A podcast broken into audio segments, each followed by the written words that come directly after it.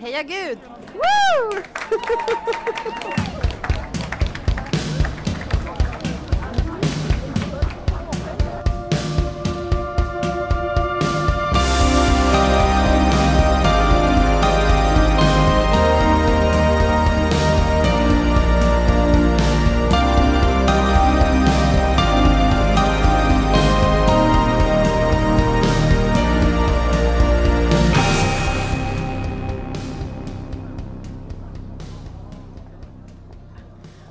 Ska vi?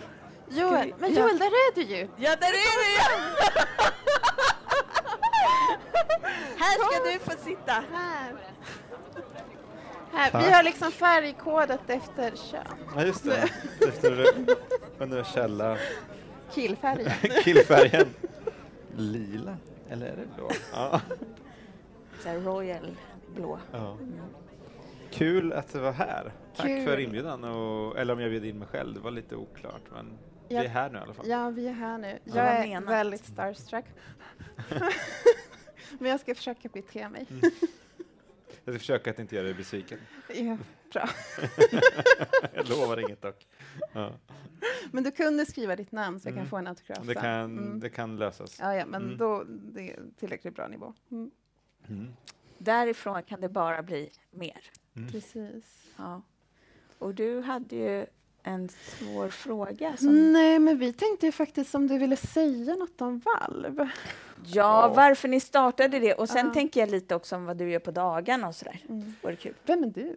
Ja, precis. Jag är lärare. Jag har undervisat idag. Jag är lärare på en högskola här i stan i Stockholm. Men jag bor i Linköping ute på landet, eh, långt utanför den så kallade civilisationen Mm. i ett hus. Och eh, sitter och skriver där rätt mycket.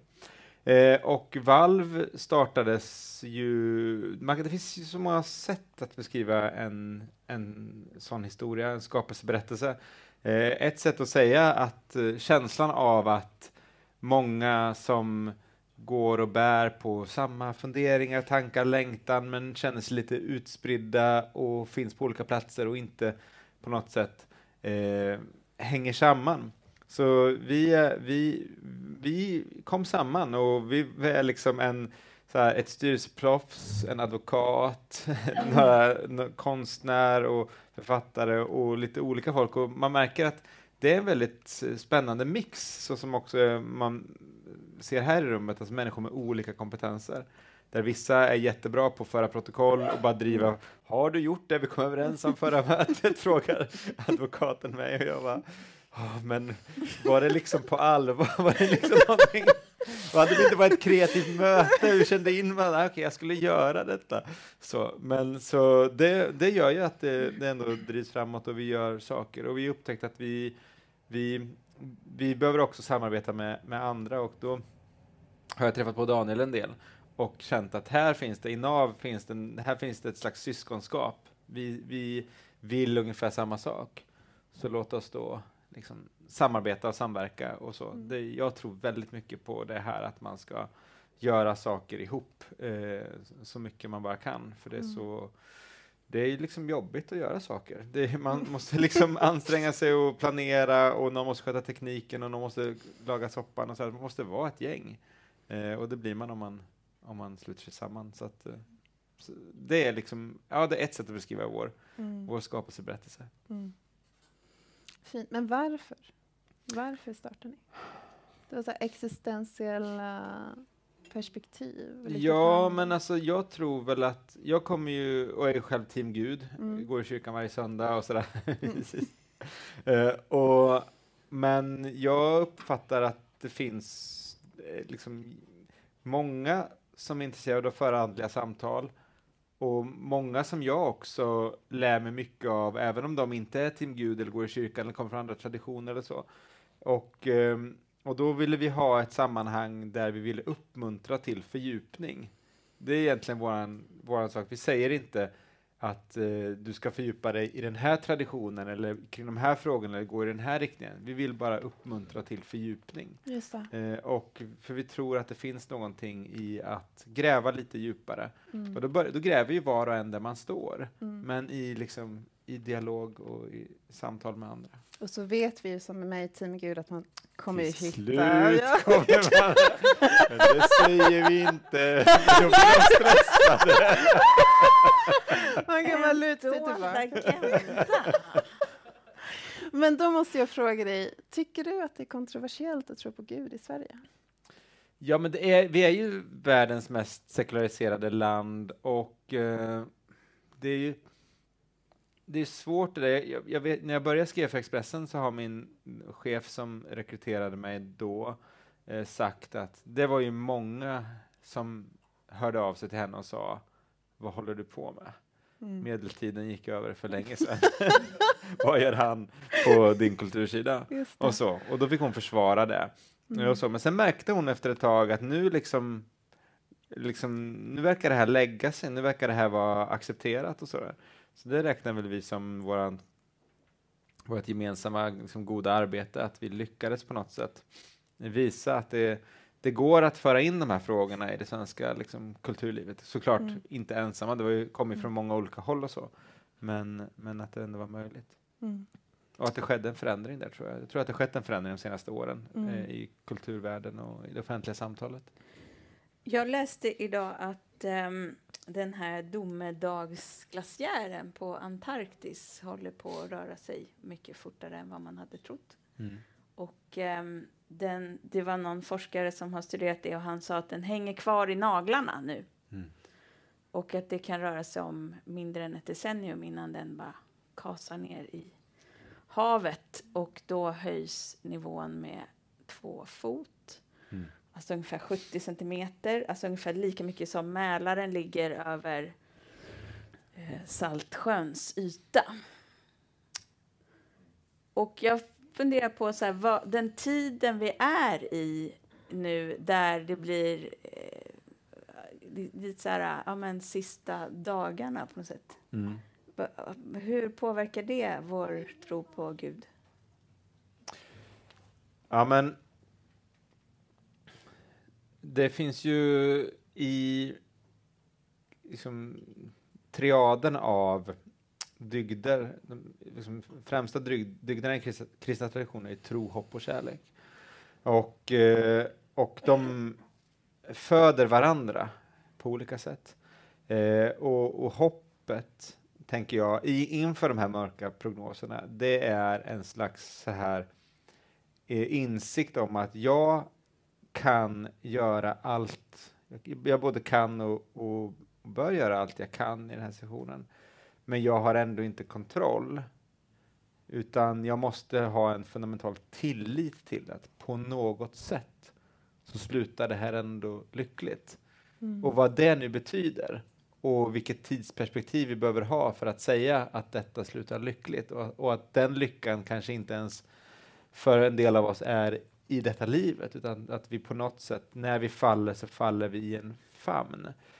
Ehm, för mig så är det det som gör att jag kan leva i en slags en bävan inför tidens allvar och hur reellt det är, och speciellt då jag har barn, när man ser på, på dem och frågar sig vilken värld kommer de växa upp i? Och så. Eh, men ändå också känna en slags tillit i detta. Att jag kan inte se var det här slutar, jag har verkligen inte kontroll över den här skutan som vi reser på. Men jag vill ändå tro att det finns en famn att falla i. Mm. Men har det någonting, jag tänker på det här att du skriver i Expressen, är det någonting, jag tänker mig att det, man skulle kunna tänka sig att det händer, att när det blir så, när vi kollektivt vaknar upp till att oj, det här går verkligen inte så bra, Nej. att man då söker sig till Team Gud, Ja. eller fler gör det. Mm. Kanske, man brukar säga att det finns inga ateister i skyttegravarna och så. Det är ju statistiskt. Men så- det är inget du märker så- av? Liksom. Nej, well, jag tycker att man märker ett eh, annat sökande efter allvar Mm. idag. Och, och man kan tänka att det är inför att vi lever i allvarsamma tider. Man kan också se att sen när jag växte upp, då var det ju liksom millennials, det var ironiska generationen, 70-talisterna, då som, som dominerade i media.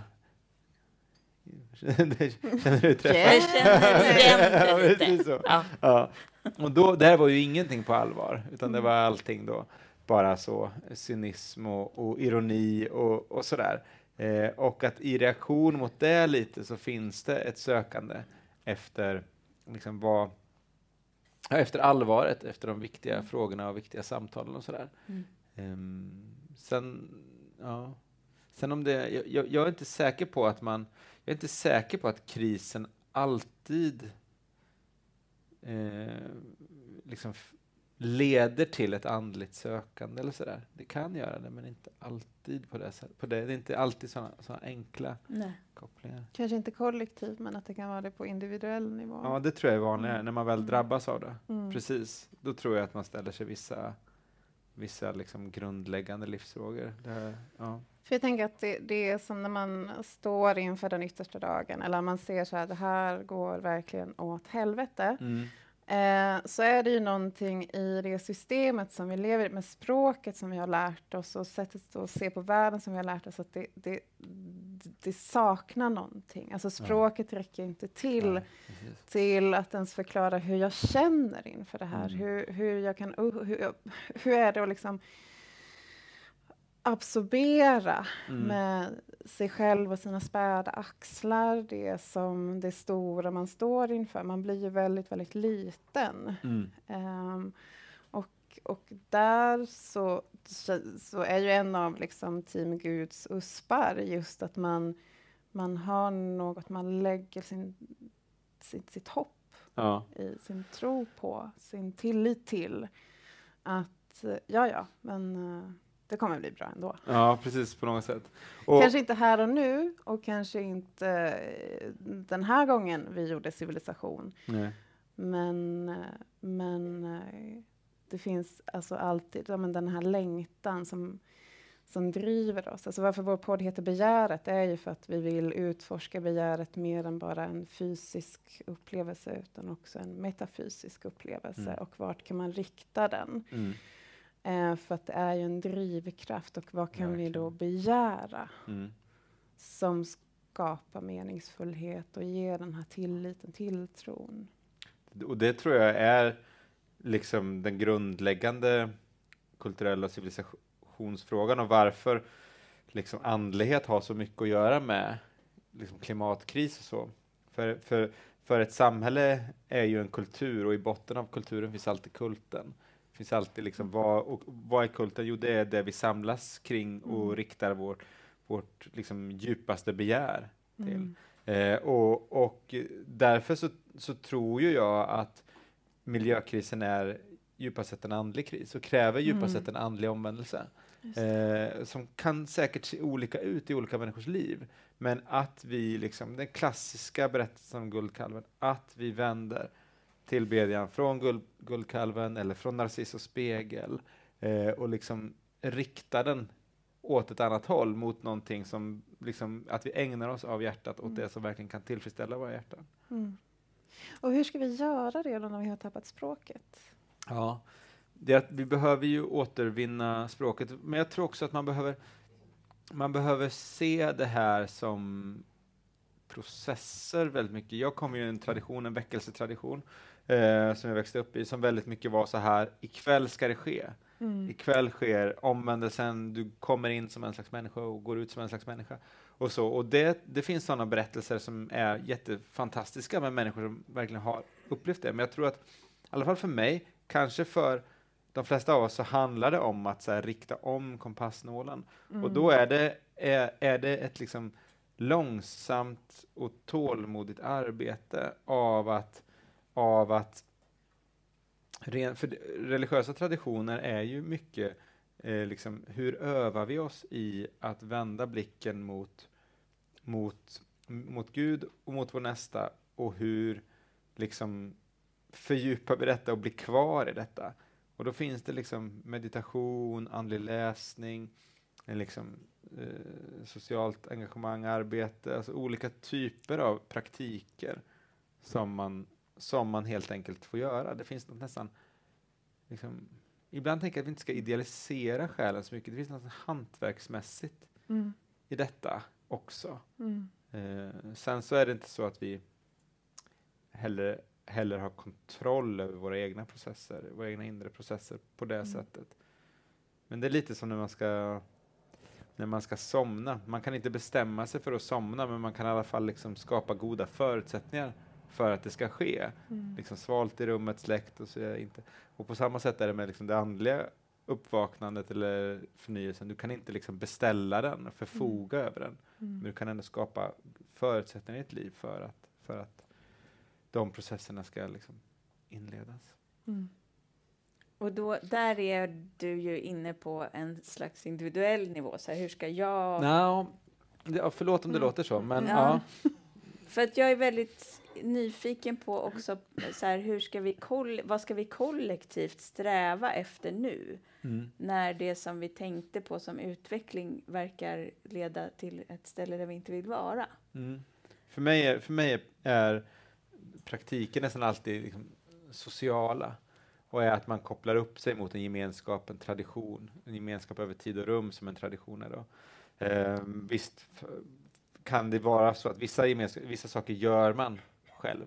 Det är därför jag vill liksom så här värja mig emot att det är individuell. Men det är klart att det är svårt på en samhällsnivå. Eh, det blir ju Eh, det, det, vi har ju inte liksom den här gamla enhetssamhället där vi bara liksom styr den här stora skutan åt, åt varsitt håll och därför måste vi, eller åt samma håll. Eh, och därför, därför måste vi skapa de här allianserna mellan olika grupper. Eh, där jag kan se och uppskatta väldigt, väldigt mycket. Jag har de senaste veckorna eh, snubblat på en, en muslimsk influencer som har- är väldigt så här, han, han, han har så här, koranstudier och böner på, på Instagram. Eh, och så livesänder han ibland och bara klicka in det. Och jag tycker att det är jättefint. Jag blir väldigt djupt berörd eh, av det här. Eh, och, eh, men jag är ju inte muslim, men jag, tyck, jag känner igen en spiritualitet i det här som är den här traditionens uttryck. Eh, och eh, jag kan skulle han och jag sitta och diskutera teologi så skulle vi ha, oense om mycket saker, vi skulle kunna prata om det och så. Men jag kan ändå känna igen att liksom, där pågår fördjupning. Mm. Eh, och, så. och det måste ske på många platser på olika sätt i samhället, men man måste, vi måste se varandra, tror jag, som allierade i sökandet, som någon Mm. slags medvandrare, även om vi inte går exakt på samma stig. Du pratar om kulten. Mm. Och vi har ju en favoritmodell eller en favoritperspektiv som vi tycker är väldigt produktivt. Som Ja. vi har snott från eh, en väldigt bråkig feminist, Camille Paglia. Mm. Italiensk-amerikansk. är hon Mm. Konstvetare och sådär. Ja, Ja, precis. precis. Och hon tänker på Sky Cult och Earth Cult. Aha, okej, vad spännande. Mm. Det är oupphörligt spännande. Man kan lägga det på allt möjligt. Ja. Kan inte du berätta lite om Camille, ja, Camille. Sky Cult? Ja, nej, jag tänker att du ska prata om... Ska eh, jag? Du, kan, du är så mycket bättre på det. Nej, men- Nej, men eh, Camille Paglia är ju min stora husgudinna. Mhm. Eh, och eh, just för att hon är så tjafsig och bråkig och, och också briljant på många sätt. Eh, och hon beskriver ju liksom Sky Cult och Earth Cult liksom som eh, ja, men utifrån Apollon och Dionysus. Liksom. Det, Ah, ja. liksom, eh, Apollon, inte intellektuella, liksom rationell, rationella. Eh, skulpturen också. Hon går igenom liksom, det i, i hennes eh, magnum opus eh, sexuell persona, är liksom hela konsthistorien och hur det har gått från Earth Cult när, när gudinnestatyerna var väldigt runda och stora former och att eh, som, som i relation till jordens former och Mm. sen blev mer och mer apollonsk där, där ja, men man började karva mer mänskliga gestalter och, eh, och där också då liksom Apollon står för ordning och Dionysus för eh, kaos. Alltså Sky är då Mm. med det, ordne, det ordnade och eh, det jordiska, det är det feminina, det kaotiska. Mm.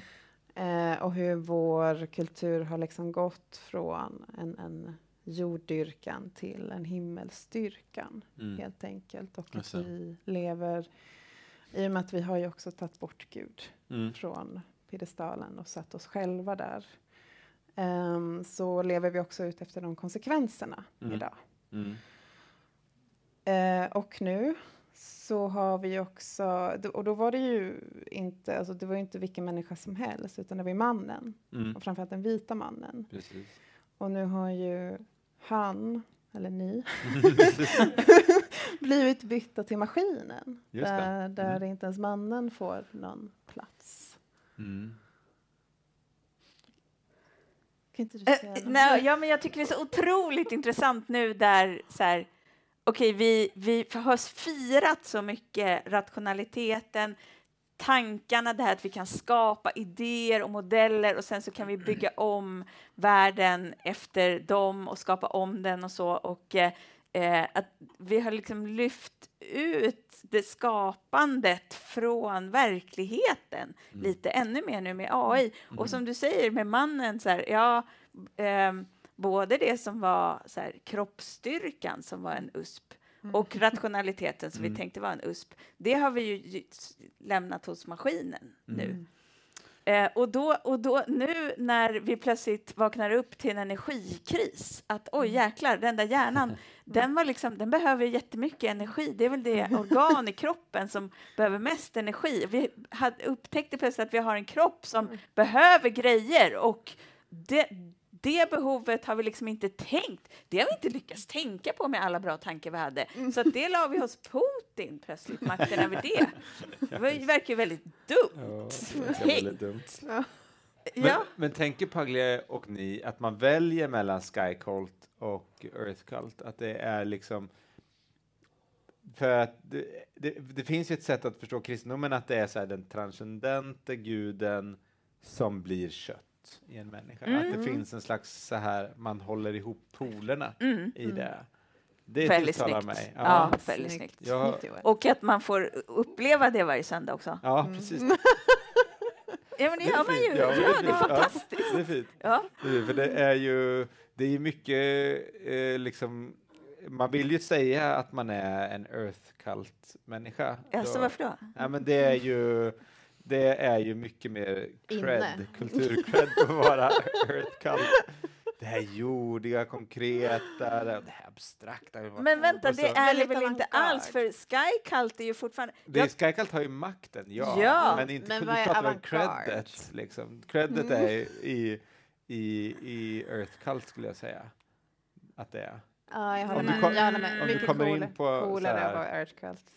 Ja, men vänta, hela, vadå, hela singulariteten och Ja, transhumanismen? det är sant. Elon Musk och de kommer liksom från sitt håll och liksom försöker ge den liksom en cool så, men det är ändå en annan det är en, en, jag skulle säga att, okej vi säger så här då, i många kretsar. Ja, i våra Eh, kretsar. Men våra kretsar är ju skitsmå Ja, om man jämför med Musk. Så är det, absolut. Så är det, absolut. Men då så, och där vill jag ändå säga att så här, så, så, och jag kan, det finns vissa saker som är Earth Cult, men jag kan också känna att, så jag relaterar också till det här begreppet lite via spiritualiteter i plural, alltså inte bara andlighet utan hur man uttrycker sin andlighet. Då.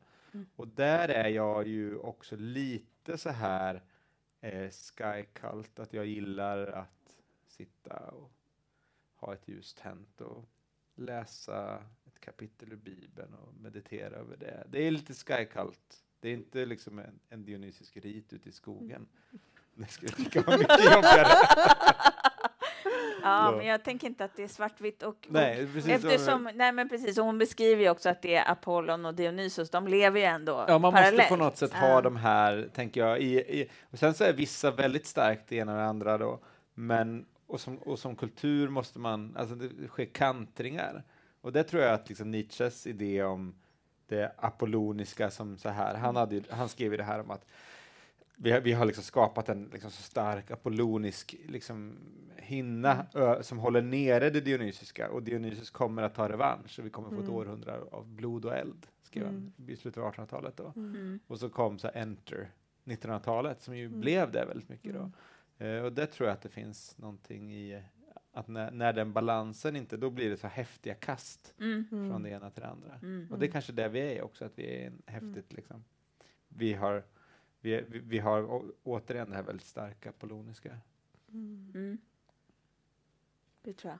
Vi laddar upp hela Ja, medvetandet. men, Mm. men var det ändå inte, alltså det var väl ändå inte liksom ett Dionysus, alltså det som hände i- på mitten av, eller alltså med Nej, just det, det. alltså det var ju ändå väldigt så här eh, överrationellt. Ja, det var väldigt, eh, det var en form av modernitet på ett Mm. sätt, det som var. Men första världskriget här, var ju en, var ju känns, alltså första var ju känslan av en, av en eruption verkligen av undertryckt liksom frustration. Och när man ser de intellektuella i sina dagar uttolka första världskriget så är det ju mycket det här, nu så ska den verkliga mannen göra comeback och återta initiativet från den här liksom kontorsråttan som vi har reducerats till. Och, och vi, liksom man ska hitta någon slags autenticitet i de här då, i kriget.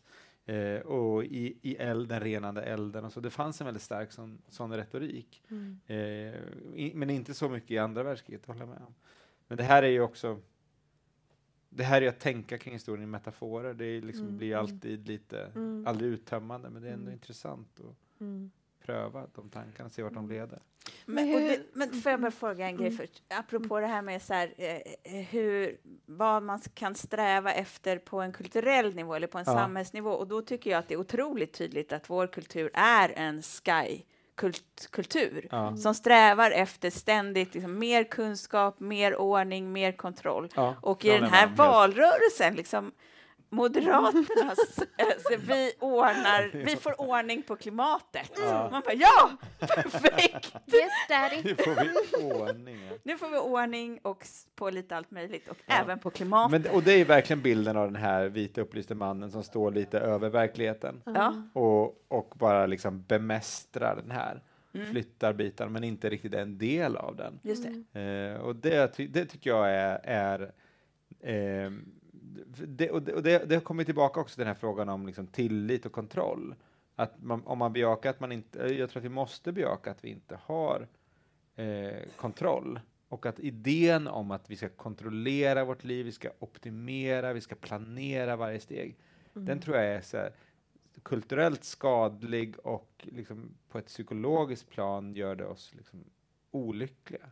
Mm. Vi bör mycket mer öva oss, öva oss igen då, att leva i ett slags mottagande mot livet. Mm. Såklart ska vi inte, liksom, allting kan ju missbrukas, man kan låsa- "Ö, jag ska inte göra någonting, det är inte det, men att lite mer få ett gåvoperspektiv på livet tror jag är, är jätteviktigt. Och att Mm. det, vi, vi faktiskt tar emot det som gåva. Vi härskar inte över det. Men det finns ju en längtan i det också. Alltså jag tänker att det låter så himla skönt som någon man bara, åh nu Ulf bara, åh nu får vi ordning på det här, bara, åh jag kan slappna av, det är så jobbigt med allt som pågår, så kommer någon så bara, nej men nu fixar vi det liksom. Att det finns ju någonting som är ganska skönt i det, Mm. men att vi har ju bytt ut eh, våra metanarrativ till att bli så här, de politiska ideologierna. Alltså vi Mm. har, det, det är ju våra kulturella liksom, metanarrativ idag. Mm. Vi har ju kastat bort i modernitetens namn någonting, någonting som, ja men någonting högre om man ska säga så. Mm. Och, och då blir det ju så. Då, Mm. då blir det ju liksom Ulf som får stå för, för Ordningen Ja, Och bemästrandet. Och, och egentligen är det en längtan efter någon, alltså för min del, efter någon, någon, en högre ordning som jag längtar efter. Vi talade ju innan om eh, lite när vi pratade här om detta att, Mm. att, ehm, att se Gud. Eh, och och de, det finns ju en rad berättelser i, i Bibeln om hur människan eh, hur en människa vill se Gud men Mm. blir nekad det. Eh, och jag lägger de berättelserna i den kategorin av så här människan som tror sig kunna kontrollera kosmos. Eh, alltså Babels torn, eh, eh, Mose vid den brinnande busken. Säg mig ditt namn. Mm. Mitt namn får du varför frågar du om mitt namn? Eh, nej, det är Jakob när han brottas med en okänd. Mose vid den brinnande busken, vad heter du, jag är den jag är, svarar Mm. Gud då. Och så Mose vid berget då, Horeb, ehm, låt mig se ditt ansikte, mitt ansikte får ingen se, eh, men du kan få se mig på ryggen. Och, och eh, um, man kan diskutera med berättelser från, från olika sätt, men, men en är att de, nästan alla stora traditioner bär på den här insikten att liksom idén om att människan ska bemästra och kontrollera världen, mm. det kommer att slå tillbaka mm. på ett eller annat sätt. Och liksom klimatkrisen liksom, är ju en av de, de stora sådana här liksom, Babels torn-händelserna i vår tid, när vi liksom låter oss bygga en civilisation som räcker upp till himlen och låter oss mm. liksom verkligen klättra mot denna sky då. Till Mars. Vi ska precis, till Mars. Vi ska till Mars, precis. Och, och, och, så, och så kommer då det här att ja, men, när vi försöker bemästra något så komplext och svårfångat och, och inte ta emot det så, som livet, då kommer det liksom glida oss ur händerna. Och, och, och det blir, det finns något slags mytologiskt i det vi är med om idag, tror mm. jag. Och det är också det som gör att vi måste, vi liksom tvingas till en slags omvärdering. Mm. Så det var liksom kanske en, en, lång väg ifrån Ulf till, mm. till via Moses och till. Men, men jag tror ändå att den här impulsen för, för kontroll eh, är väldigt riskabel och mm. eh, förväxlar oss med Gud. Mm. Och det är liksom själva, själva liksom ursynd att inte veta sina Just. gränser som människa. Precis. Gud vad intressant. Mm. Juicy, juicy, juicy. Berätta mer. mm. Men tolken är på många läppar. Jag, jag har tänkt och läst om honom och, sådär, och det här är så tydligt hos honom. Att så här, du ska liksom absolut vara en riddare, gör ditt bästa, slåss mot fienden och sådär, men i grund och botten mm. så är det hoberna som gör det. Och de gör det med hjälp av försynen och det till och med vi ska inte spoila än, men, men liksom det, det, det, man har inte den kontrollen över de stora skeendena. Man ska mm. göra det man kan, men man kan ändå inte kontrollera det. Så hur kommer vildhet in i det här? Vildhet? Jag tror att ni har fel gäst. kan inte du teoretisera om det? teoretisera om vildhet. Nej, men... Men jag det, tänker det, alltså som kontrast till ja. kontroll. Ja, precis. Men precis. Kan, vi, kan vi spara den lite? Mm. Så kan du liksom Så får jag tänka den lite. Ja. ja. Eh, för att jag tänker att det eh, fanns ju lite en annan anledning också till att det var väldigt kul att prata med dig, förutom att eh, Archie är fangirl. Och mm. det är ju att Valve har börjat titta så mycket på jorden. Just det. Mm. mm. Och eh, jag läste, eh, Anita Goldman skrev ju en helt underbar essä för Valve om eh, sin trädgård. Mm. Och jag tänkte läsa en liten bit ur den. Vårt förhållande till Gud och till trädgården eller jorden är alltså besläktade. Kanske rent av två sidor av samma sak. Det förekommer ingen hierarki här där tillbedjan av Gud är bättre eller större eller mer märkvärdig än att odla sin jordlott. Vi har alltså att göra med ett ursprungligt förhållande, ett samband som nu gått förlorat. Eftersom majoriteten av jordens befolkning inte längre odlar och inte har någon som helst kontakt med jorden. Väldigt ny situation mm. för mänskligheten. Mm. Mm. Och eh, Omställningsnätverket är ju en, väl, en, eh, en organisation som verkligen sysslar med Cult. och vi har... Um, Halva styrelsen här ikväll. Ja, vilka, vilka sitter i styrelsen för den här fina organisationen? Och... Um, Skolkar från styrelsemötet som också ikväll. Vadå, har ni ett styrelsemöte? Vilka, det är männen som har möte. ja, ja, ja. ja!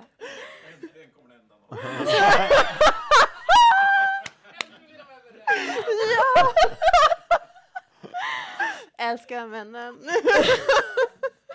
Och vi har ju um, jobbat några år. Vi blev liksom lite glada och upplivade när det kom en pandemi och det blev tomt på hyllorna i mataffären. tänkte vi yes, äntligen får vi prata om resiliens och eh, livsmedelssäkerhet och sånt. Mm, Och vi mm. startade potatisuppropet. Och jag tog med den här potatisen. Jag skördade med mina grannar nämligen halva vår odling. Vi satte igång, i- vi måste hela tiden utöka ju.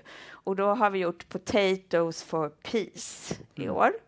Och vi tog upp ett par hundra kilo tror jag och vi ska ta upp hälften nu igen i, på söndag. Och då hittade vi de här som heter Desiree eller Desire.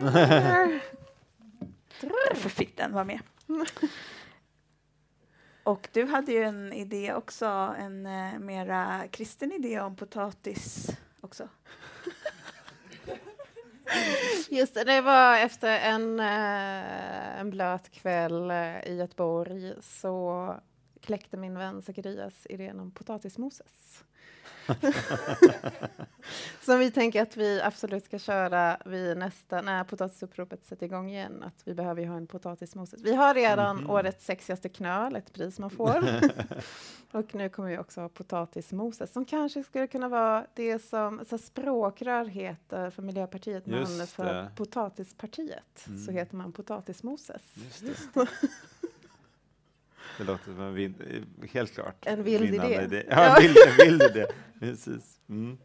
Men lite grann apropå det du sa om praktik, så Ja. potatisuppropet handlar ju om det, tänker jag, det här med att ja, men alla kan faktiskt odla potatis och det är ganska lätt att börja med det och man måste bara göra det. Mm. Det gäller bara att Precis. göra det. Mm.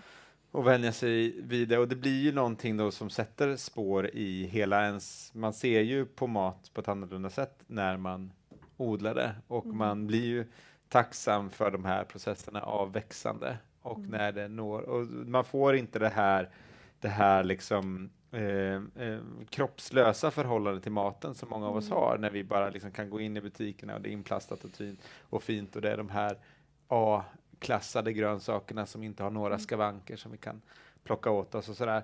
Eh, utan man, man kommer liksom närmare verkligheten och det är ju alltid positivt att komma Mm. närmare verkligheten, Mm. att komma Mm. liksom djupare ner och så. Mm. Eh, och så finns det också i odling detta med eh, uppmärksamhet som ju också är något väldigt djupt andligt.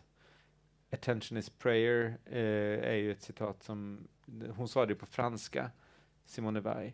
Eh, och, och det kan inte jag, på svenska är det inte lika snyggt. Så jag brukar säga på Mm. engelska, attention is prayer.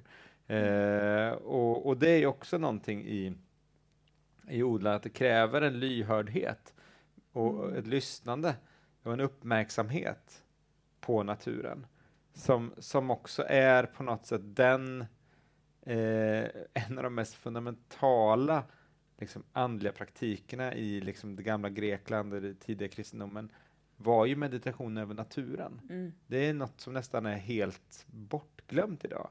Mm. Att det vi säger naturvetenskap, på den tiden var naturfilosofi. Och det var en slags, både ett undersökande men också ett mediterande över naturen. För att skåda liksom blommor, växter och sådana saker och se vilka andliga hemligheter de, de uppenbarade. Och där måste vi ju, tror jag, liksom återvinna den symboliska blicken. Mm. Att se att det här finns, liksom, det finns mer än vad som, liksom, det finns många, många lager i allting. I det som växer och det som är.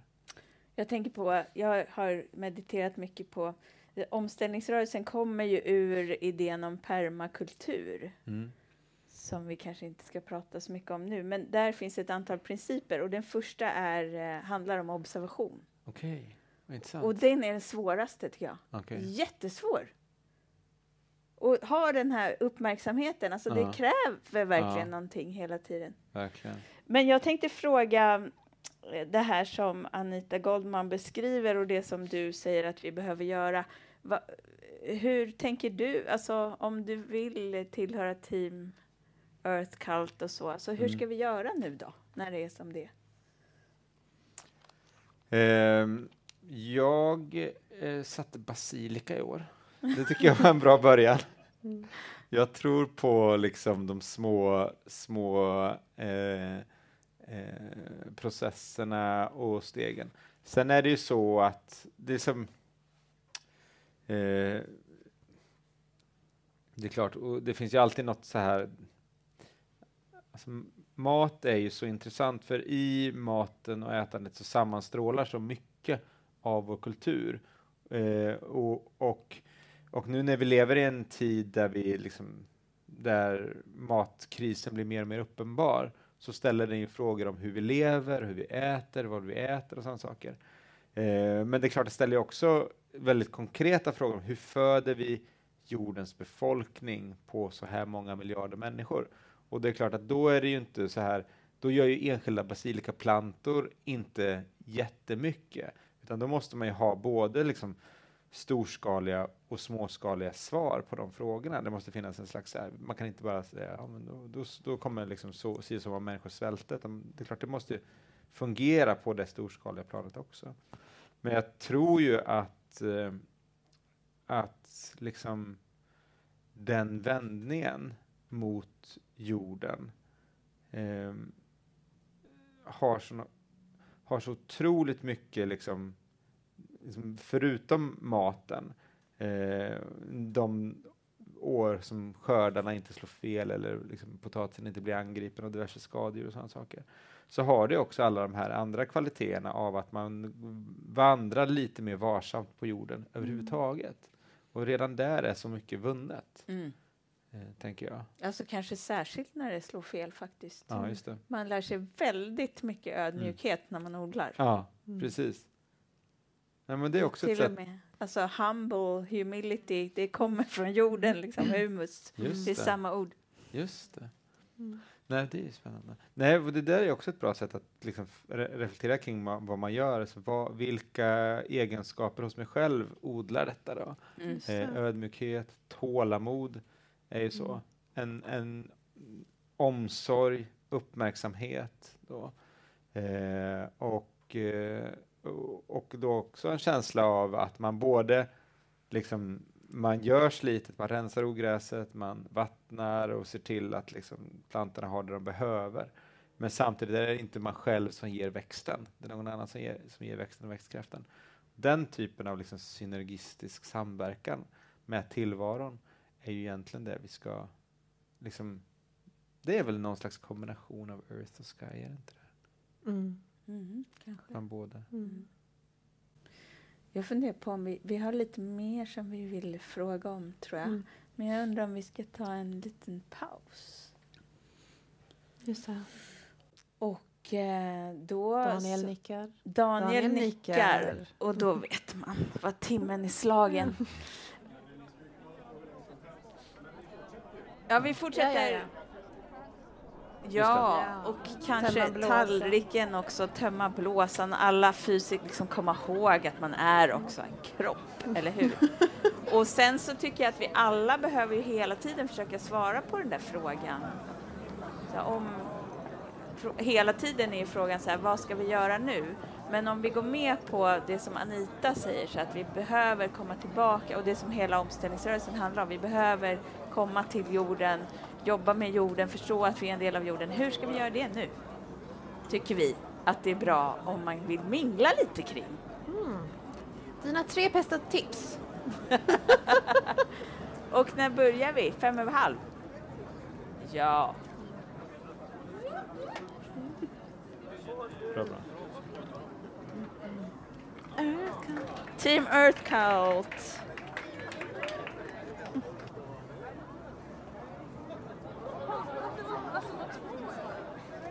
Ja, vi sänder ju inte nu för vår maskinist har inte kommit, men kanske är det någon som vill dela någonting om så här, vad ska vi göra nu tycker ni?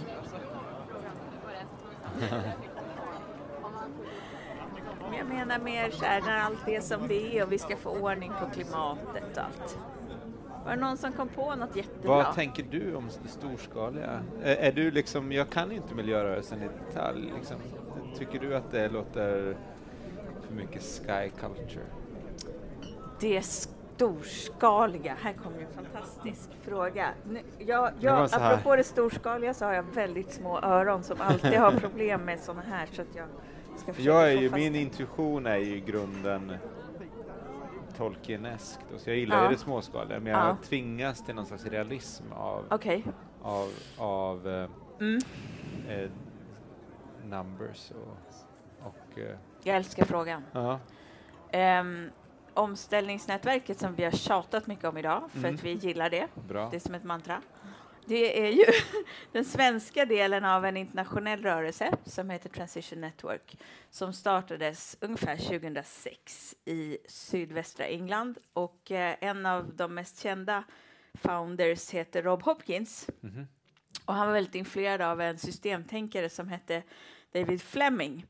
Och han har ett uttalande, nu vi ska se om jag kommer ihåg det. Jag brukar alltid skriva upp det. Vi har ju en, en liten festival på den gården där jag bor som heter Skenora och ligger på Ingarö, österut här.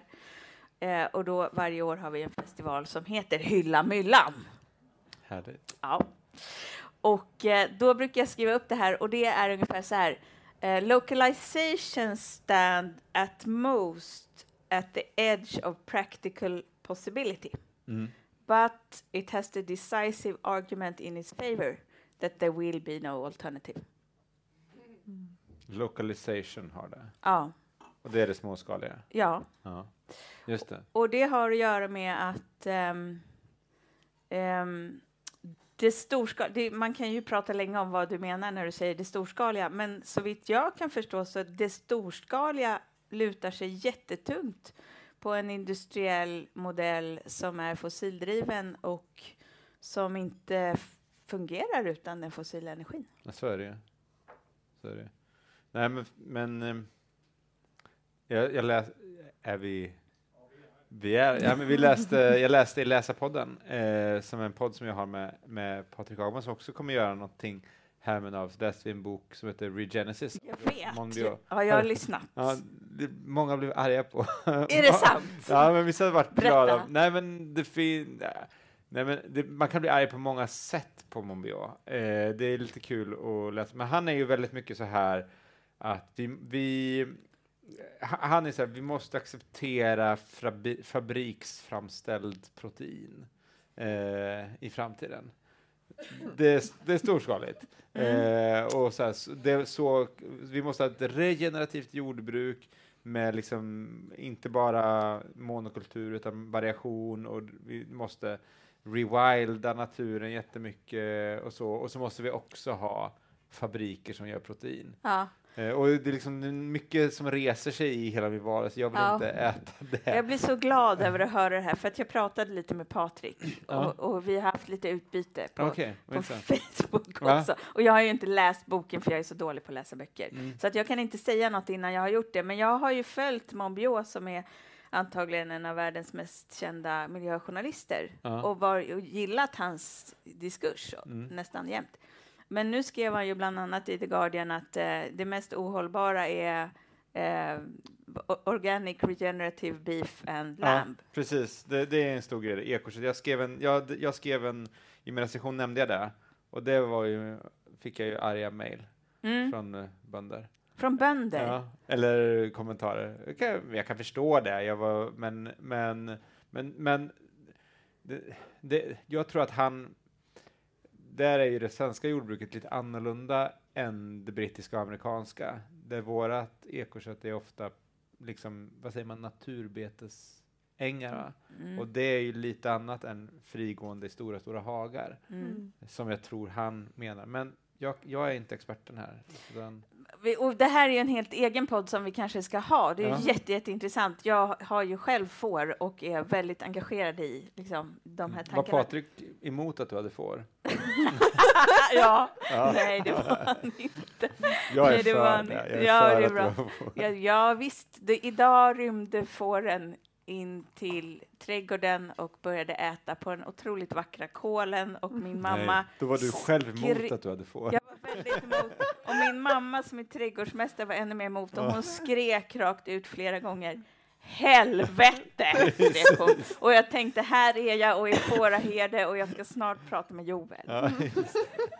Ja, det. Ja, det var en bra Men liten... eh, precis, vi, men det här är en längre podd som du säger. Vi får, Ja, men det är nog det. ja. Men om jag ska säga kort så tror jag så här, den omställningen som vi är inne i, som innebär att mata världens befolkning utan fossil energi, är fruktansvärt svår. Ja. Den är helt möjlig, tror jag, men den är väldigt svår. Och att göra den utan att ta hjälp av djuren, tror jag är omöjligt. Ja, det tror jag också. Absolut. Alltså, Eh, de är ju våra hjälpredor. Speciellt det regenerativa bygger ju på ett, ett cirkel, Ja. cirkel inom gården och man använder gödsel och så vidare. ja. Mm. Nu var vi ju djupt inne i jorden och maten och det här som är viktigt. Vi tänkte att vi skulle se om vi kan fara ut i himlen lite kort. Mm, sky. Lite mer i skykallt, Mm. bara lite grann. Ehm, vill du introducera? Det, klippet. Mm. Eh, ja, då ska Daniel alldeles strax sätta igång ett klipp av eh, Sam Harris som är kanske världens mest kända ateist.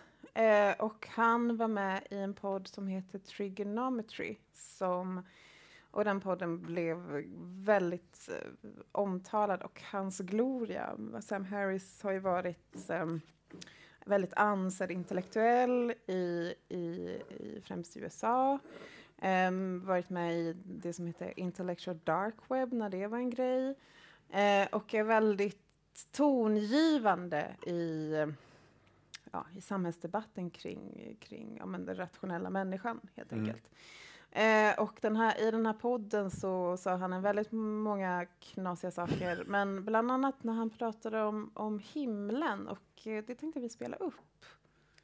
like I'm not to make magical, claims about flying saviors who are literally going to come down from where where is heaven exactly given that we have you know uh, multiple uh, telescopes up there you know beaming back you know tens of billions of, uh, of years worth of, of uh, information. And make magical claims about flying saviors who are literally going to come down from where where is heaven exactly Vad tycker du om den spaningen? Vad säger han? Han säger det är oklart för honom vad himlen Alltså är. himlen, vad är det egentligen? Vi har ju full koll. Vi har ju avslöjat hela himlen. Vi får så mycket information om himlen. Vad är det där? Ja, det där är ju- Nej, men det är som så här, ett, ett glas, om jag lägger i sten här, då kommer vattnet så småningom liksom att rinna ut. Eh, och så tänker sig liksom Sam Harris. Vi har skickat upp astronauter eh, de här upp i himlen och vi har sett att det finns inget, ingen sten där. Och alltså så, eh, så finns det bara, så, så finns inte Gud då. Men ett, eh, för, han- för han tänker sig att det materiella och Gud eh, det skapade och Gud konkurrerar om utrymmet. Så om han söker upp en plats i universum och ser att, Gud, att det bara är materia där, då är Gud alltså inte där. Eh, för att det ena utesluter det andra, precis som vatten utesluter sten. Men, men ett glas kan vara fyllt av vatten och kan vara fyllt av ljus, som ditt glas är. Eh, och för de två elementen konkurrerar inte. Och på samma sätt är det att, att Gud är ett annat slags vara än, världen, än det skapade varat. Och därför, Gud finns utanför skapelsen, och därför kan Gud också vara i skapelsen utan att tränga undan. Så att man kan se, eh, man kan liksom, det hade varit mer överraskande om man hade skickat upp de här teleskopen och bara vänta, där är Gud! Där är, där är han. Då hade teologer behövt göra ett jobb. Ja, vi har missförstått honom. Men nu är det precis som det ska vara. Nej, vi kan inte se. Gud är inte ett ting i världen. Det är liksom så. Så det var min, mitt lite långa svar på Sam Harris Mm. spaning. Mm. Det här är så kul. Vem som blir liksom obegriplig. Ja, precis. Ja. Du ville prata om hoppet också. ja, är det nu? Nej, först var det uppoffringar. Förlåt. Mhm. Ja, du Vi är vill ju ändå- prata om uppoffring. Ja. Mm. Ja, men apropå liksom tiden vi lever i Mm. och eh, att det kräver ju någonting av oss, även om, om, om politikerna lovar nu i valet. Ingen ska behöva ställa om. Nej, ingen behöver ställa om. All, det ska bara vara precis som vanligt. Det finns ju inga inte ens visioner där. Utan vi ska bara fortsätta som vi gör, som om vi har liksom hittat dit vi ska vara. Även För allt är vi är ju så lyckliga nu. Just Så vem skulle man vilja ändra på det här? Precis. Samhället var så bra i själen. Vem skulle vilja Precis. förändra det minsta? Mm. Eh, och eh, jag nämnde ju till dig förut att eh, jag kan ju numera kalla mig själv för eh, folkhögskolelärare. Mm. Jag håller bland annat i en religionskurs och där har jag eh, tjatat igenom många föreläsningar med Christer Hedin, heter han Mm. så, en religionsvetare. Just. Um, jättebra tycker jag faktiskt att han är. Vad kul. Jag har ja. inte haft så mycket med honom att göra. Vad Mm, roligt. ja, mm, bra på Youtube. Okej. Ett tips. Mm. Eh, och där han pratar om vad är religion. Mm. Där han liksom tar det här att jag vet inte hur riktigt jag ska ro det här i hamn, men vi hoppas på det. Eh, men att det här med att ibland kan det verka som att eh, i religionen, när man talar om det metafysiska, Mm. eh, att det går bortom förnuftet Ja. Så kan det verka som att de religiösa måste lämna det sunda förnuftet det. eh, för att faktiskt kunna fortsätta tro Mm. någonting. Eh, och någonstans tänker jag så här att idag med dagens läge så behöver vi faktiskt upp, alltså där han säger så här, vi måste uppoffra vårt sunda förnuft för att kunna vara troende. Eh, och idag så tänker jag att vi måste uppoffra vårt osunda Mm. förnuft. Mm. Är det Som- Sam Harris förnuft? Mm. Ja, men precis. Eh, alltså just det här osunda sättet att relatera till vilka vi är och vår, vår ja, men så här, förmåga till eh, att vi kan intellektualisera, teoretisera. Eh, och, men vad skulle du säga, med vilka uppoffringar behöver vi göra i...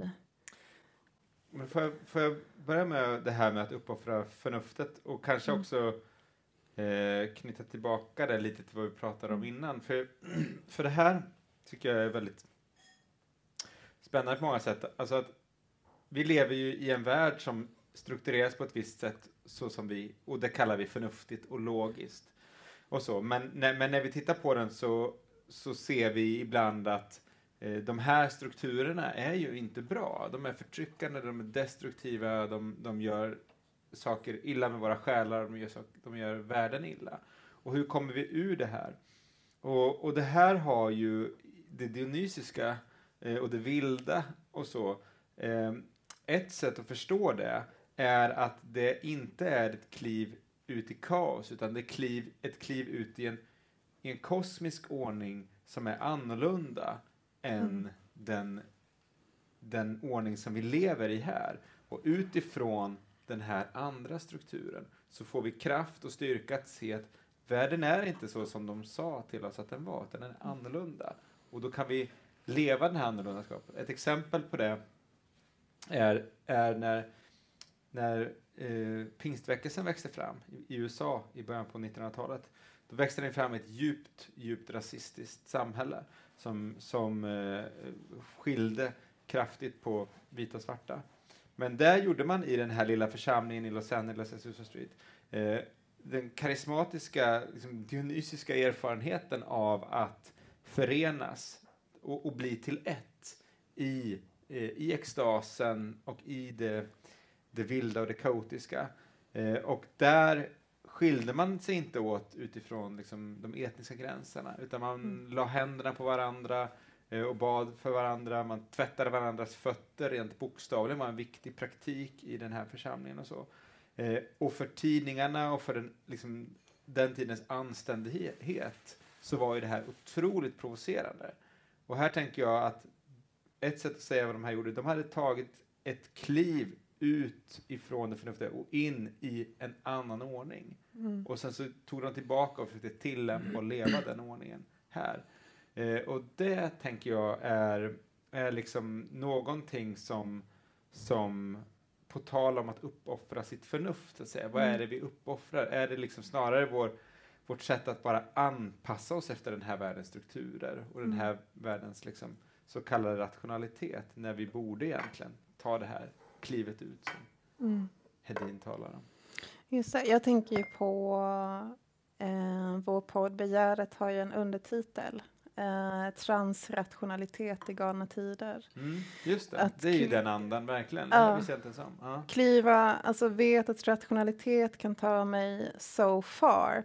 Och Mm. någonstans måste jag, i och med att jag är också eh, inte omnipotent, Mm. utan jag är bara en liten varelse Mm. i Guds stora skapelse. Och jag har min rationella förmåga, men någonstans så vet jag att jag är inte, jag kan inte förstå allt. Nej. Det jag kan veta är att jag inte vet något. Mm. Eh, jag brukar också kalla mig för en smart dum brud. Det vill säga att jag är dum, men lite smart också. Och att, ja, men att i det här att man förstår att någonstans måste man, man liksom rationaliteten kommer, kommer till eh, sin slutpunkt. Eller Ja. inte, inte slutpunkt, för att jag är ju som sagt pramytiskt lagd, så jag tror ju på det cirkulära och inte det linjära. Men att till en punkt där man måste liksom ta av sig skorna och kliva in i det transrationella, som Ja. är alltså inte irrationellt. Nej, precis. Det är inte det irrationella. Mm. Det, är det, det är ju en viktig distinktion. Precis. Eh, utan det är en annan slags eh, rationalitet. Ra- rationalitet har ju alltid att göra med hur vi liksom eh, förbinder olika saker som vi håller för sanna. Det finns Mm. en logik i det. Då. Och då är det ju, då är det ju liksom de här sanningspunkterna blir väldigt viktiga, vilka de är. Mm. För är de på ett visst sätt, ja men då är, är det det här som är vår tids sanningar och, och så klarar någon att förbinda dem på ett bra sätt, ja, då är den personen rationell. Men tänk om, tänk om de här punkterna, tänk om de är fel. Mm. Eh, Tänk om de är felriktade, att de, de gör att vi, vi, vi värderar fel saker eller på fel sätt. Och så, så, Mm. då, då behövs det den här transrationaliteten som ni säger. Mm. Eller tänk om de bara är en liten, liten, liten bit av allt Mm. som finns. Mm. För det är så jag brukar tänka med, med... Jag är ju från en naturvetenskaplig bakgrund och där är det så här, ja, men man kan bara prata om det som går att mäta. Just det. Det som inte går att mäta, det är liksom, det, det, det är inte ens eh, relevant överhuvudtaget. Mm. Och jag brukar tänka på det som, så här, man, man ehm, ja men så här är världen liksom. Och så håller vet- vetenskapen på och undersöker den och gör fantastiska bra saker och vi lär oss jättemycket och det är jätteviktigt. Ja, helt team science. Och Team mäter science. upp allting och förstår jättebra och sådär. Och sen så kommer man och säger så här, men eh, det som händer här, de bara nej, det är det här. Man bara, fast där och där. Och, men det går inte att se det ens. Mm. Men precis. Men förrän det här liksom tvingar sig på. Ja, just Det det. är det som, det är det som händer. Ja. Eh, och det är det som liksom man kan se med de olika kriserna som utlös i, snabb takt nu runt över världen med energikris och sådana saker ma- eh, och så att det är ju någonstans, någon gång kommer vi till den punkten att liksom den konstruerade världen får påhälsning av den verkliga världen. Mm. Det, och vi, vi kan inte liksom verkligheten gör motstånd mot våra system på något Mm. sätt.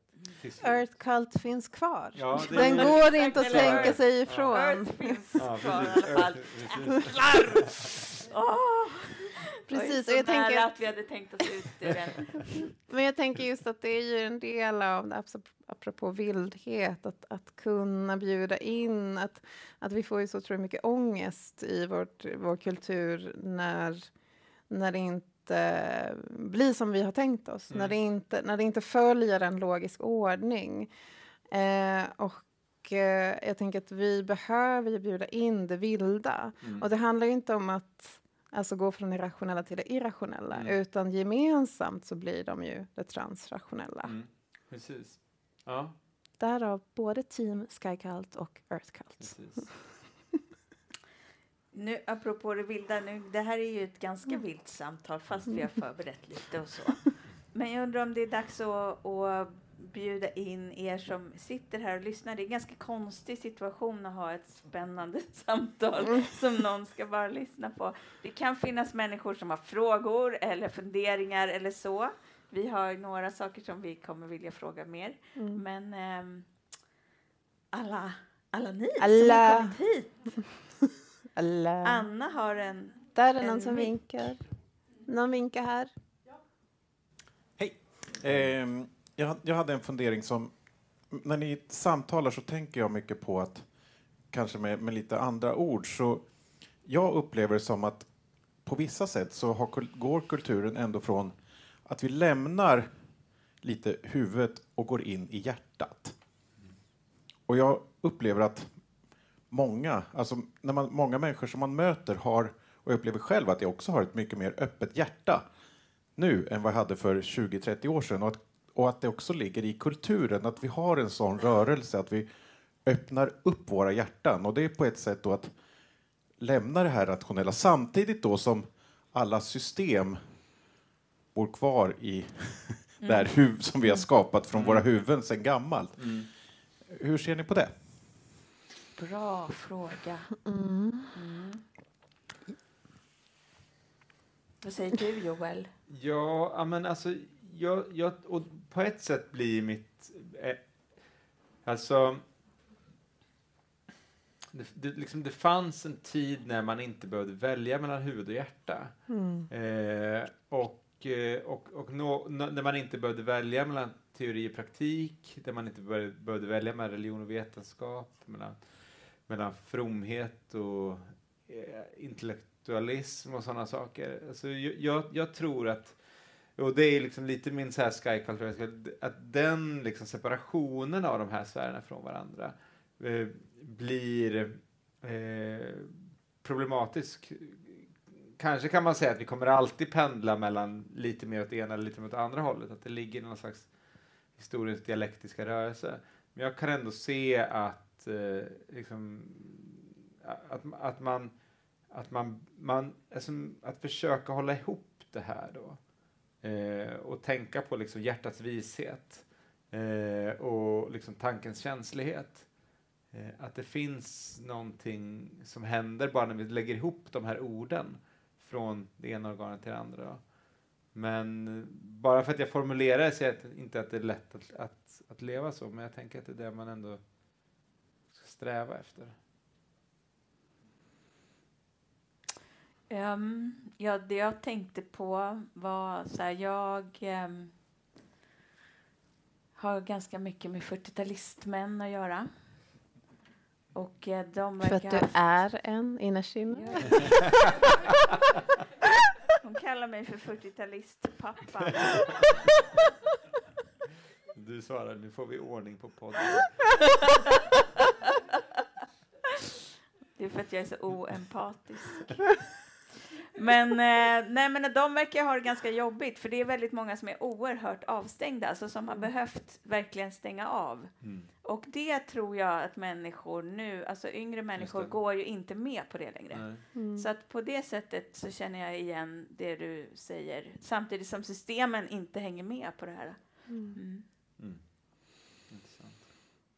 Jag börjar tänka på, så här, som jag tänker på hela tiden, i det här att, alltså att våra system, det- finns en, en fördröjning i vad vi vet, vad som, eller vad vi upplever och vad som sen systemet levererar. Och vad jag tror att den kommer inte leverera till exempel så mycket mat.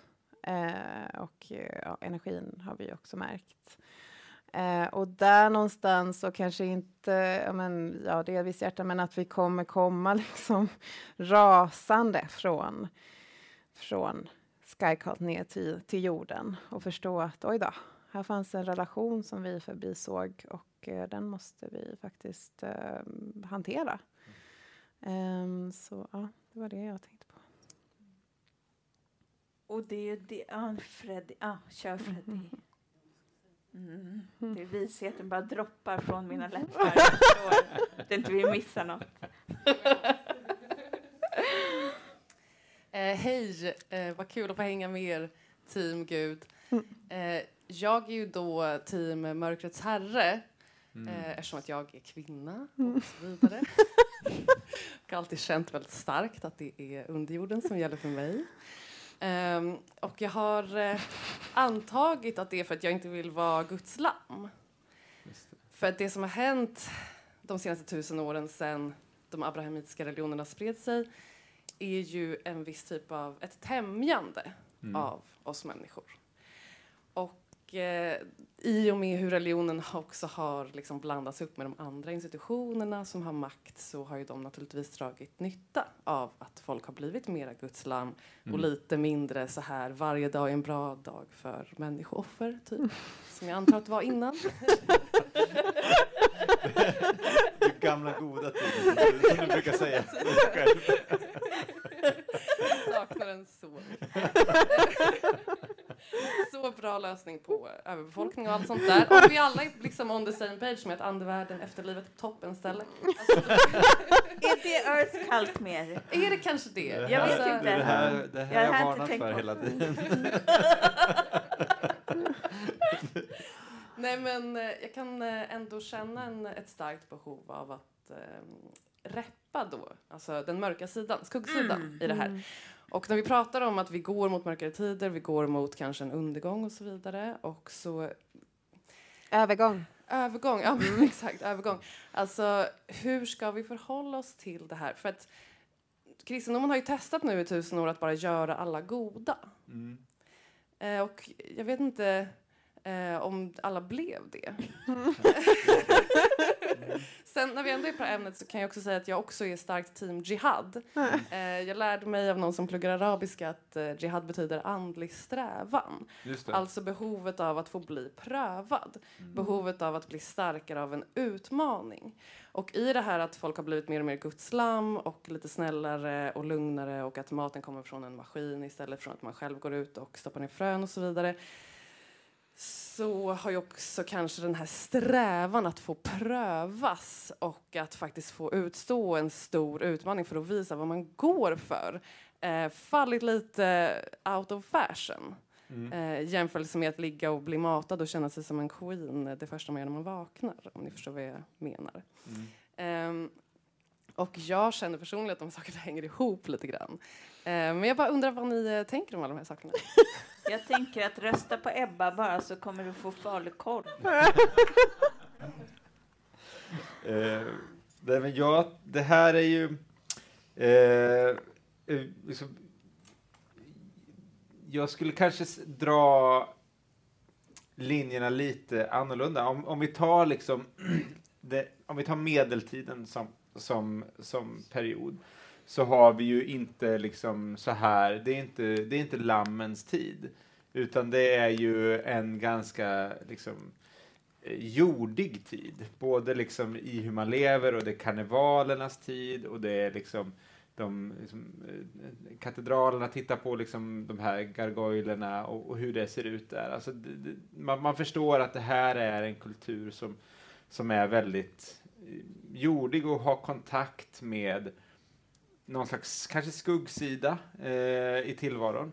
Eh, och, eh, och jag är väl inte den som eh, tycker att eh, liksom mörker är tipptopp. Eh, men jag förstår vad du far efter. Och, men kanske att du, att du liksom mot den här liksom ganska sterila, moderna sondmatningstillvaron att liksom, du, kanske kan jag tycka att du söker upp det andra diket lite här nu. Romantisering av människooffer och sådär. Vi förstår att det var ett skämt. Men, men så. så. Utan någonstans mitt här på vägen finns en kultur som, där återigen de här sakerna, där, där det inte är så eh, att, att det bara är lamm, utan det, det heroiska, om du, ser, om du så vill, finns där som ett, som ett inslag. Och för mig är ju brottet har ju mer att göra med, med det moderna och upplysningen, inte att göra med liksom, kristendomen, utan med den liksom, rationalitetskult som växer fram från 1700-talet och med den starka idé om att då också behärska och kontrollera kosmos eh, och kontro- kontrollera universum. Sen- Lysa upp det rent Att av. lysa upp det Ta så. bort mörkret. Sen så kommer ju det, eftersom vi är i väst och kristendomen är här, så allting kommer ju ur kristendomen. Alltså, liksom Martin Luther King, och Adolf Hitler och Stalin och Moder Teresa och Greta Thunberg. Ingen av dem är begripliga utan kristendomen. Alltså det så är det ju. Så att liksom gott och ont har ju den här då. Men jag skulle säga att det, där finns, där hittar jag mer av det här liksom korrupta eh, liksom dikeskörningen som, som du eh, reagerar på. In, och inte då i, i, det, i, i, i kristendomen. Då. Men, eh, men det, det är olika sätt att liksom berätta historierna, var, hur vi hamnade där vi hamnade. Eh, helt enkelt. Alltså här är ett jättestort spår ju om Mm. hela synd och, och bikt och allt möjligt. Ja. Det låter också som en helt egen podd faktiskt. Och Väldigt du- men. Jag Jag, tänk- tycker att viss civilisation är bra. Det kanske är ändå, det, det, där kanske vi skiljer oss åt Ja. också lite sådär. Att jag tycker att det, det är så här, människan, liksom, urtillståndet är inte oproblematiskt. Utan, eller ur de många urtillstånden. Mm. Utan någon form av civilisatorisk liksom, växt, mognad, utveckling så ligger i liksom, människans, liksom, finns en strävan i det som är, som är god och som är, som är eh, eh, en av historiens gåvor. Men sen så finns det också många liksom, risker och korruption och sådana saker. Tänker du på Edens lustgård? Som Ja, var en men slags alltså- trädgård.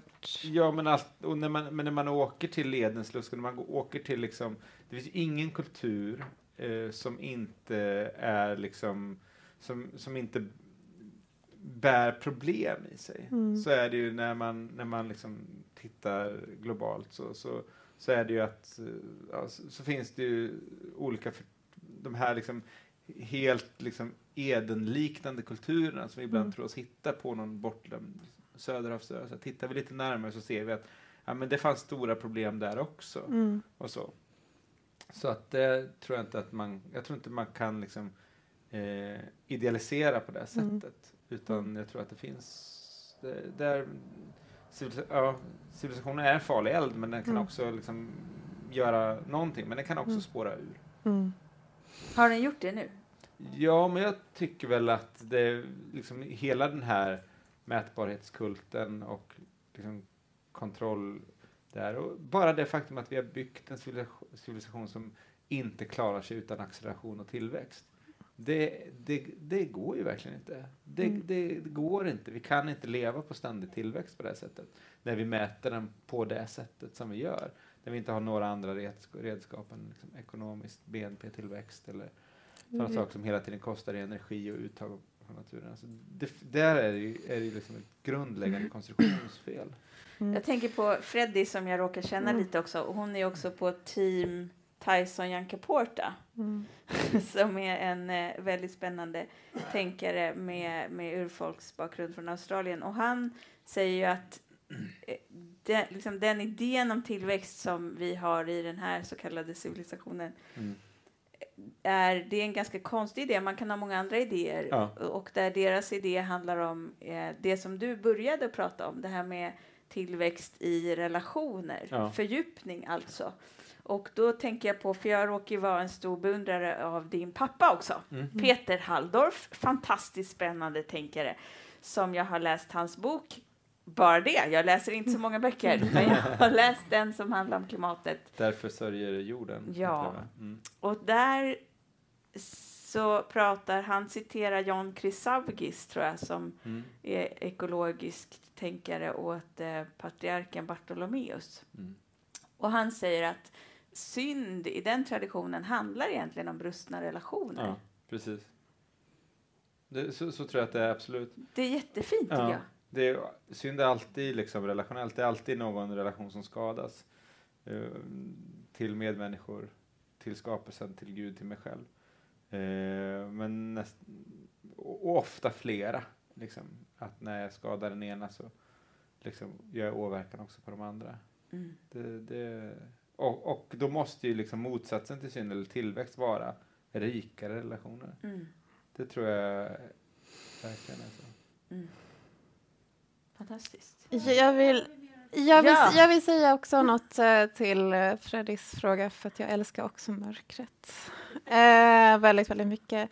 Och jag ser det som också en, en viktig del av andlig praktik, att faktiskt ha sin relation, eller ha en relation till sitt eget mörker. Eh, där jag tänker också på det är ju begär någonting Mm. som ses som en ganska mörk kraft eller Ja. en destruktiv kraft. Eh, och då tänker jag ju såklart på, på Jung, eh, Carl Jung, som... Jag, jag ska, tänkte jag ska citera. Eh, som säger att one does not become enlightened by imagining figures of light but by making the darkness visible.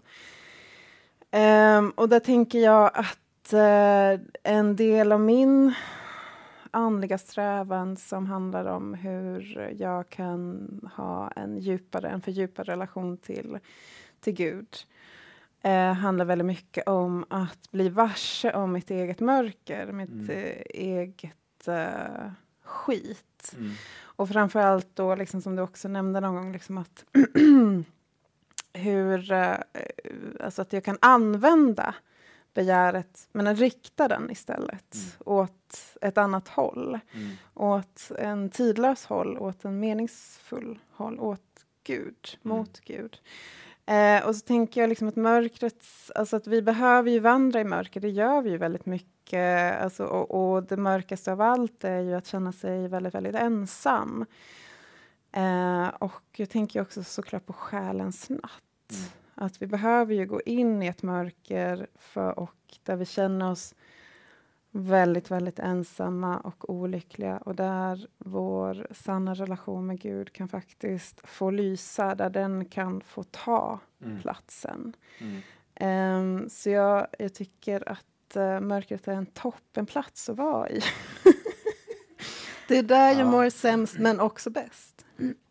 ja, men det, det där, den bilden av mörker som du ger där är ju både liksom djupt realistisk eftersom vi har alla liksom mörka sidor och vi det farligaste vi kan göra med dem är ju att förtränga dem. Vi måste ju våga gå in i vårt eget mörker eh, och, eh, och lära känna den sidan av oss själva. Eh, och, och, ehm, och, och, på något sätt då... Men skulle du säga då att du använder mörker på lite olika sätt samtidigt. Skulle du säga att målet med den mörka... För du sa när du säger att vi har mycket skit och sådär. Vi har mm. mycket mm, saker som vi begär som vi inte borde begära. Eller sånt saker. Skulle du säga att målet är att liksom lära känna det eller att förändra eller förvandla det mörka till något annat? Både och. Okay lära känna vad... Alltså för att jag tror att den... Alltså, när man gör fördjupningen, mm. det handlar ju om att hur släcker jag min törst? Mm. Hur släcker jag den här branden i mig som också är väldigt... Den vill ju brinna, alltså den vill ju ha syre, den vill ju brinna för någonting. Mm. Eh, och Eh, man kan försöka lägga på en massa olika saker som att konsumera eller vad vi nu vill eller vad vi nu har skapat i det här samhället som, som sätt att fylla det. Eh, men det handlar ju om för mig att lära känna den och dess djupa innebörd. Mm. I varför finns den kraften? Mm. Och jag tror att den kraften, i och med att jag tror att Gud genomsyrar allt och är egentligen, alltså egentligen, om man ska citera en uh, bengalisk, uh, bengalisk helgon, att vi hela tiden bara slås av flodvågor av extas. Det är bara vi som inte har förstått det. Mm. Uh, den här valrörelsen är egentligen en våg av extas som slår mot oss. Ta emot. Ta emot, men också lär känna liksom djupet av, ja, men djupet av mitt mina begär, mina luster, mina behov. Mm. Eh, och därmed också förstå dem och därmed kunna liksom rikta dem åt ett håll som faktiskt när dem. Mm. Precis. Som är regenerativt. Mm. mm.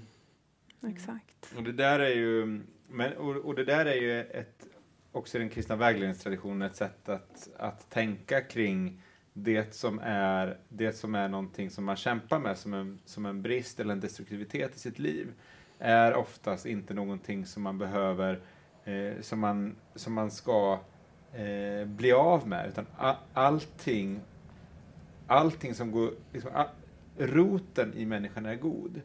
Eh, och det som det som du ibland behöver göra är just att rikta det mot i en rätt riktning. Att det, det, det som sker är att det har blivit det har blivit skruvat eller det har blivit det har fått för stor proportion eller det har blivit liksom det finns alla sådana problem som kan hända med våra begär så att de blir destruktiva så att de gör att vi hopar saker över våra liv som, vi, som egentligen inte gör oss lyckliga eller som egentligen inte fyller oss.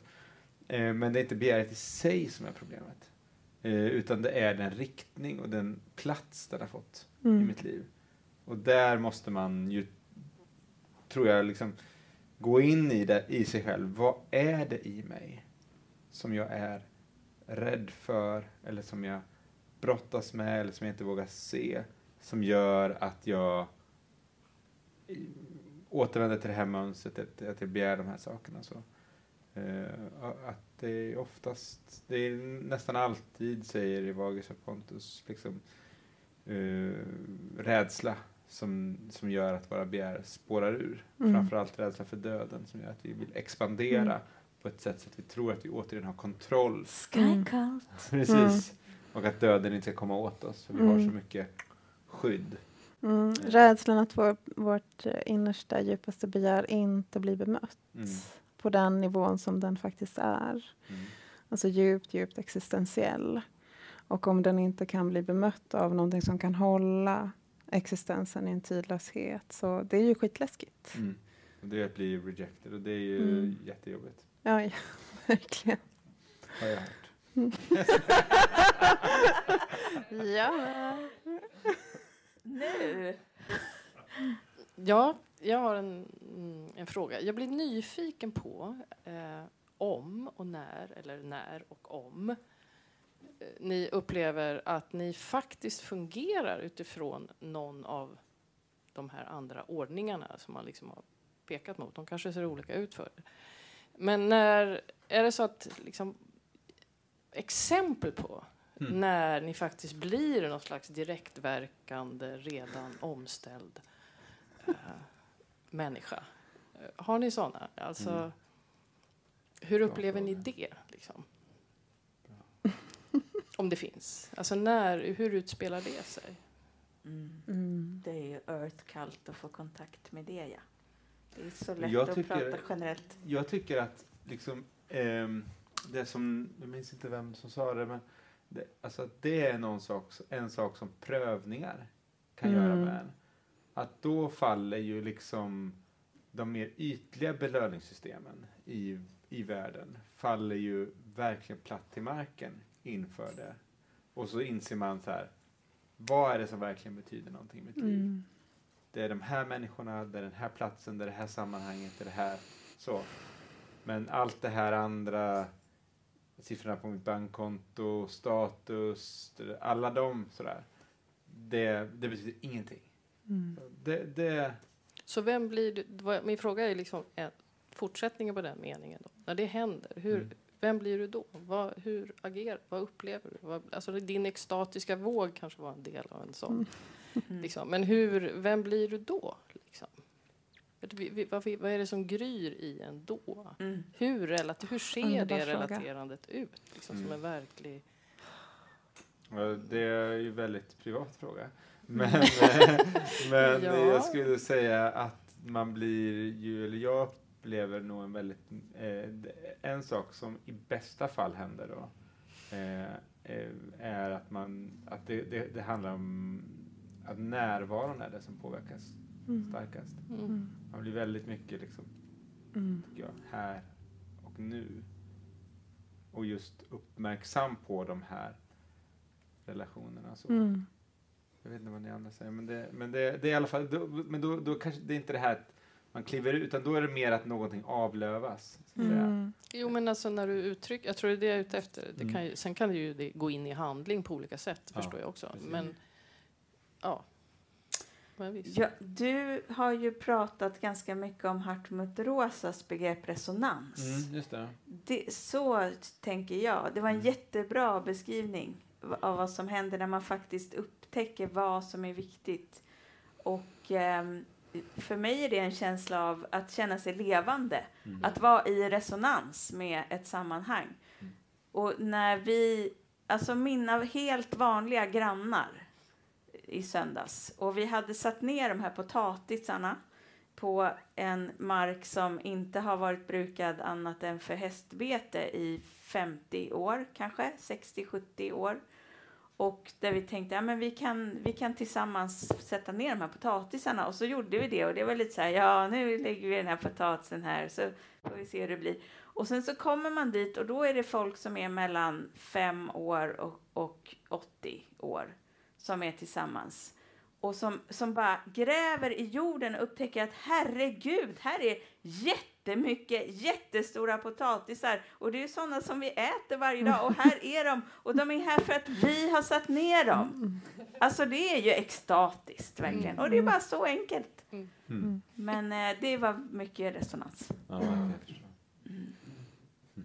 Jag är nog inne på lite så här Joels spår. Att när, när, när tillvaron blir så otroligt snäv. När den kräver allt och ännu mer av mig. Um, ja, men jag kanske skulle kunna säga, alltså på sanskrit heter det anarta nivritti. Alltså när man sköljs av Ja, men av faktumet att man har tagit vissa beslut i sitt liv. eh, och ni som vet, ni vet. Eh, och men att man, man, man går igenom konsekvenserna av sitt agerande. Och ibland är det mer av det än, än vad man kanske mm, står ut med, men man måste stå ut med det. Eh, när, den, när det blir så snävt att, att, att finnas till. Det, det är då jag också kommer i kontakt med ja, men vad, vad är det som finns då? Um, när det känns som att det mesta rasar. Uh, och, och, och det, det som säger, det, det, det, är en otroligt privat upplevelse uh, av den starkaste formen av bön till Gud som jag når till och just samtidigt när det, man är som, som sämst och fulast och äckligast är man som mest älskad och buren. Och den väldigt märkliga känslan av, av eh, total eh, kollaps i sitt inre med fullständig extas över att få, få vara en del av livet och känna den resonansen som, som jag har upplevt i min relation till Gud och kan, den upplevelsen kan aldrig tas ifrån mig och jag kan alltid gå dit. Det är min refug. Det är min plats. Jag vet att jag alltid kan återvända. Sen glömmer jag det och blir material girl igen eh, och tycker att eh, jag kan göra ännu mer dumma beslut. Sen fixar Gud det åt mig. Jag bara ber lite snällt. Vi har den relationen, jag och Gud. Daddy! Team Gud, alltså man kanske skulle tänka... Precis, förstår du vad du missar? Jag hör ju. Jag är material hela tiden. Hon, hon, And hon, proud of it. hon får ta sin beskärda del av mina våndor. Så att kommer ihåg att jag skrev till dig att du är sublim. När det blev sådär så är du liksom sublim. Mm. Det är ju... Man kan känna sig sublim. Jag Så det är så jag vi jobbar i omställningen. Man kan bli upplevd som sublim, kanske inte känna sig så. Fast det lät som det när du beskrev. Mm. Okej, jag tänker att vi behöver runda av lite här. Har vi någon sista? Shit, två timmar ändå. Ja, herregud. Säger jag lite slarvigt och åkallar. Nej, men eh, om Annars har vi det- ju- Ja, men vi, vi- har ju vi det. Vi har ju det. ska Vi vi- har ju det. Jag tycker Vi vi, har- går direkt på vår sista. Ja, vi skippar det andra där. Ja. Mm. ja, men då är det ju vår, eh, vår fråga som vi ställer alla våra gäster. Och då är det Joel. Vad blir du förförd av?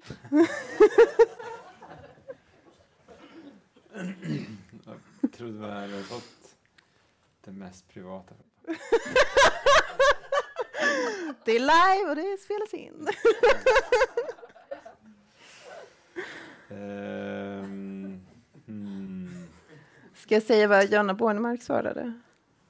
Så jag får betänketid. Ja, precis. Det kan du säga. Underkastelse. Jaha. Mm. Nej, men alltså det är väl ehm, eh, ömhet. Mm. Det är vad um, förförd och förförd. Men det är liksom det tycker jag är den högsta formen av intimitet. Mm. Vad fint. Tack för att du ville vara med i Begäret. Tack. Första men inte sista gången. Tack för